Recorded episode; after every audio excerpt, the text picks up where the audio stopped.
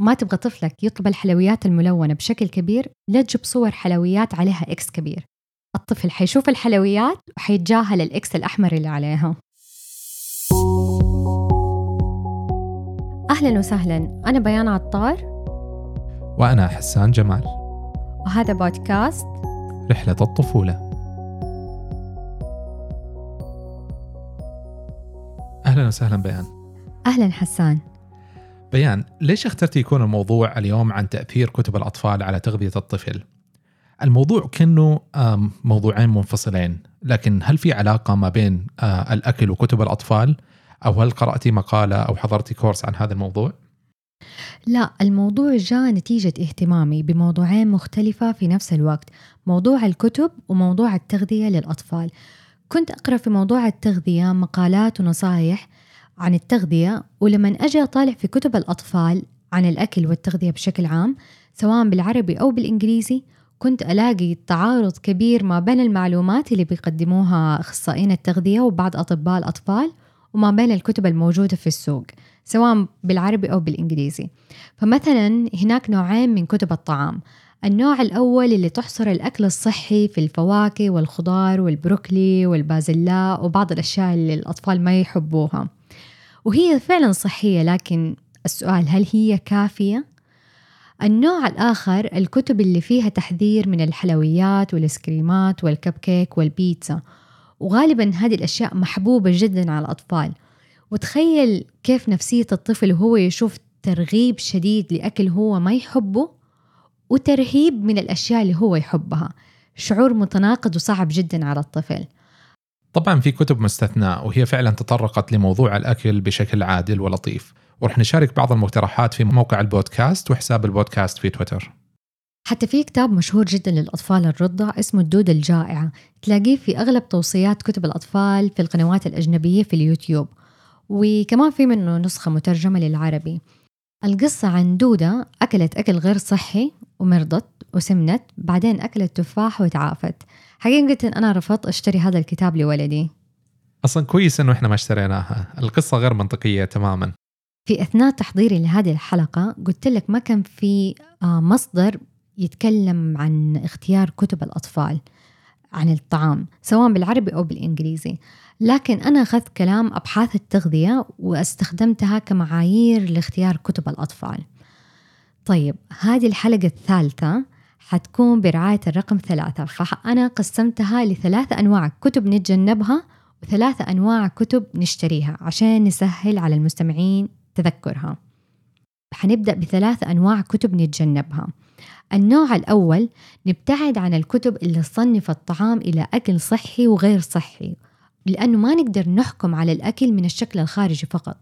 فمثلا لما نيجي نقارن ما بين موزة وحبة كب كيك وإنه الموزة خيار صحي والكب كيك خيار غير صحي.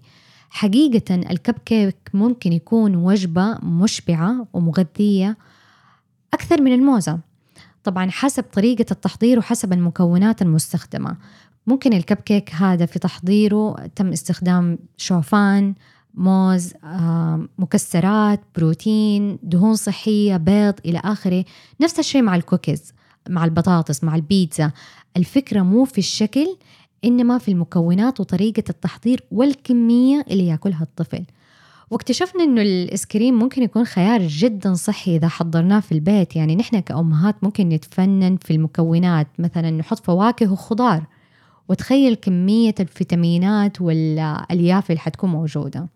بالإضافة كمية السعادة اللي حيحصل عليها الطفل وهو ياكل الإيس كريم ملون. فعلا صح. تصنيف الأكل إلى جيد وسيء ممكن يؤدي الطفل إلى تصنيف الأشخاص أخلاقيا حسب الطعام أو الأكل اللي هم يأكلوه. آه مثلا شاف شخص أكل تفاحة يصنفه أنه شخص جيد. شاف شخص آه هو يأكل مثلا شوكولاتة أو آه مأكولات سريعة ممكن يصنف الشخص هذاك على أساس إنه شخص سيء. فعلا أنا شخصيا كنت أحس بهذه المشاعر من أنا صغيرة إلى قبل خمس سنوات من الآن. تحررت من هذه المشاعر يعني فترة قريبة. طبعا الأهم يا بيان إنه إحنا نركز ونحط طاقتنا في بناء علاقة جميلة مع الطفل والأكل الصحي. أكثر من خلق علاقة كره وتخويف من الأكل الغير صحي مثل السكر وغيره. بالضبط. النوع الثاني من الكتب اللي نتجنبها هو الكتب اللي تعلق على شكل الجسم سواء سمنة أو نحافة. بالضبط. ممكن كتب الأطفال اللي تعلق على وزن الأطفال ممكن تؤدي الطفل إلى علاقة مضطربة آه، مع الطعام. وممكن تزيد مشاكل الطعام مثل الشراهة في الأكل أو على العكس آه، ممكن يكون آه، سبب لفقدان الشهية. طب نيجي لثالث نوع من أنواع الكتب. طيب هو النوع الأخير من الكتب اللي نتجنبها. هذا النوع اللي يقدم فيه الطعام والحلويات كمكافأة. فمثلا طلعت على كتاب لتدريب الحمام وكان كل مرة يروح الطفل للحمام أهله يعطوه حلاوة. طبعا تقديم الحلاوة هنا كمكافأة بشكل دائم ليه أضرار وهو ضغط الطفل على نفسه لفعل شيء هو ما يبغى يعمله بس عشان ياخذ الحلاوة. طبعا هذا الشيء له عواقب على المدى الطويل. صحيح وممكن هذا الشيء يؤدي إلى تعزيز قيمة الحلوى آه، وراح يحبها الطفل أكثر وأكثر. فإحنا هنا ما سوينا شيء. طيب في مقطع تيد شفته في اليوتيوب لأخصائية تغذية باللغة الإنجليزية بتقول إنه نحن كأهل بنركز كثير على نوعية الطعام اللي بنقدمه في صحون أطفالنا. فبنركز على كمية البروكلي والفاصوليا والسبانخ وأصناف صحية. لكن اكتشفوا إنه عادات الأكل هي أهم من الأكل نفسه. صح وهذا سبب آه، كبير لمشاكل كثير من مشاكل الأكل عند الأطفال. العادات الصحية وقت الأكل مثل طبيعة الكلام والحوارات اللي إحنا نناقشها مع الطفل وقت الأكل آه، طبيعة المشاركة في طاولة الطعام عدم وجود مشتتات وغيره هذه أهم صراحة آه، بكثير من نوعية الأكل آه هذا الموضوع يسمى بالفود هايجين وحنتكلم عنه إن شاء الله بعدين. على العموم أتكلمنا كثير عن النقاط اللي نتجنبها في كتب الأطفال وأسباب هذا التجنب. الآن نجي بيان للجانب العملي. أنا كيف أختار كتب لطفلي آه تتكلم عن التغذية. نجي للثلاث الأنواع اللي نشتريها. النوع الأول هو كتب الصور من الأشهر الأولى صور فواكه وخضروات يفضل إنها تكون صور حقيقية أو على الأقل رسومات واقعية بعيدا عن الخيال في الأشهر الأولى بعد صور الفواكه والخضروات نبدأ شوية شوية نضيف صور الطعام اللي حيبدأ ياكله الطفل مثل شوفان مطبوخ رز دجاج مكرونة سليق ملوخية.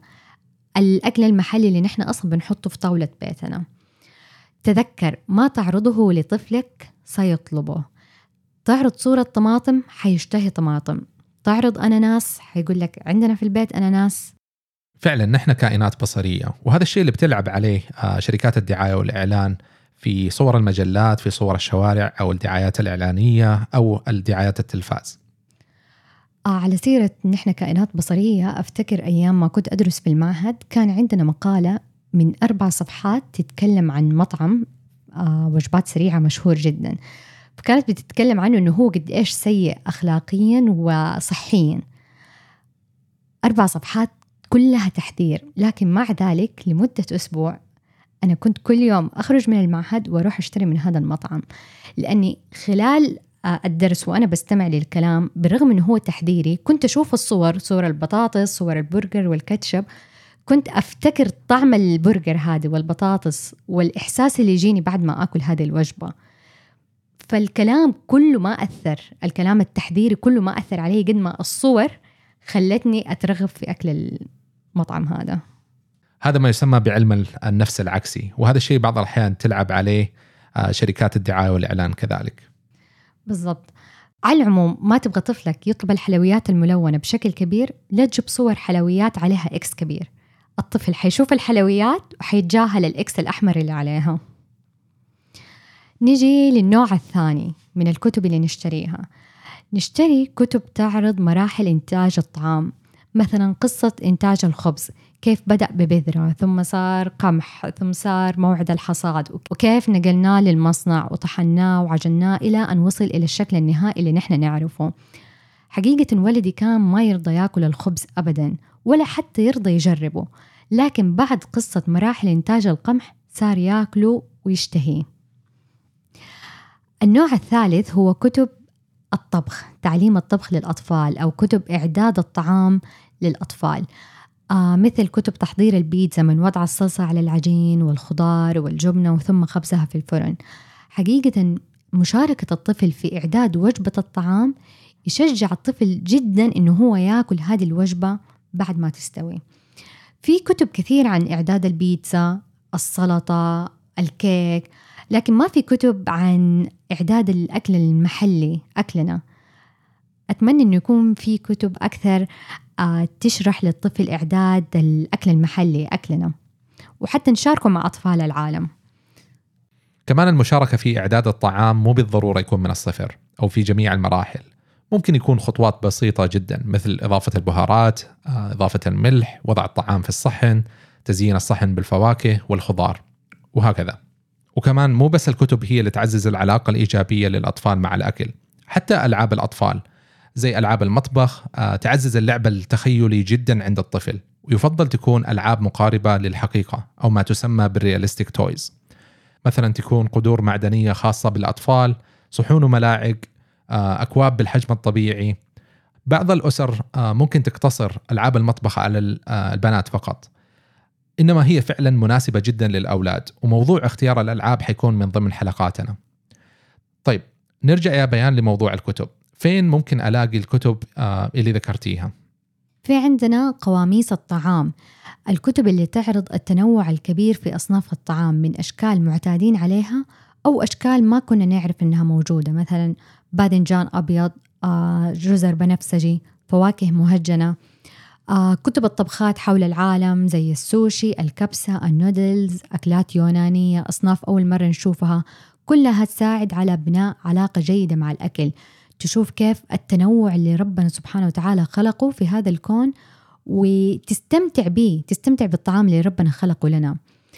آه في كتب سلسلة بقالة الصغيرة من كتبنا المفضلة وهي عن الزعتر والبيض والعسل. أحلى قصة كانت آه قصة الزعتر. بعدها ولدي صار يحب الزعتر يضيفه على الأنواع المختلفة من الأكل مثلا مع البيض مرة مع الخيار واللبنة. وننبسط إنه كيف الزعتر كل مرة بيعطي طعم مختلف للأكل المتعودين عليه. وقصة الزعتر فتحت لنا مجال التعرف على البهارات في البيت. وصرنا نحب نجرب البهارات بشكل أكبر. طيب يا بيان الناس اللي ما عندهم قدرة الآن على شراء آه، كتب للأطفال إيش ممكن الحل المناسب يكون لهم؟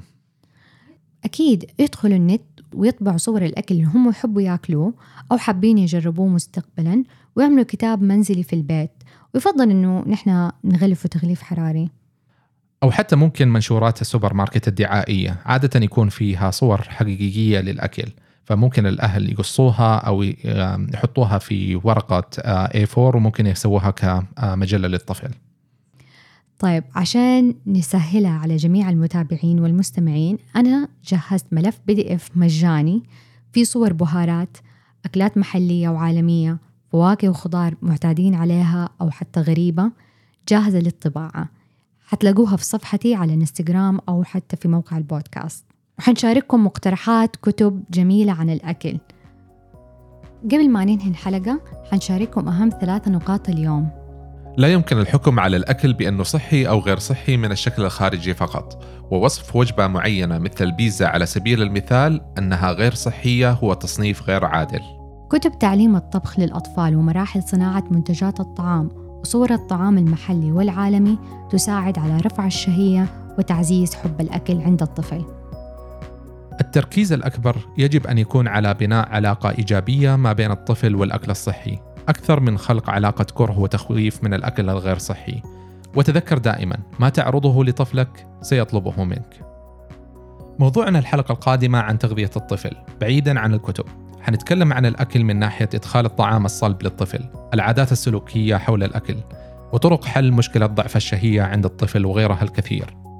شاركونا أسئلتكم وتجاربكم على مواقع التواصل الاجتماعي وانتظرونا قريباً.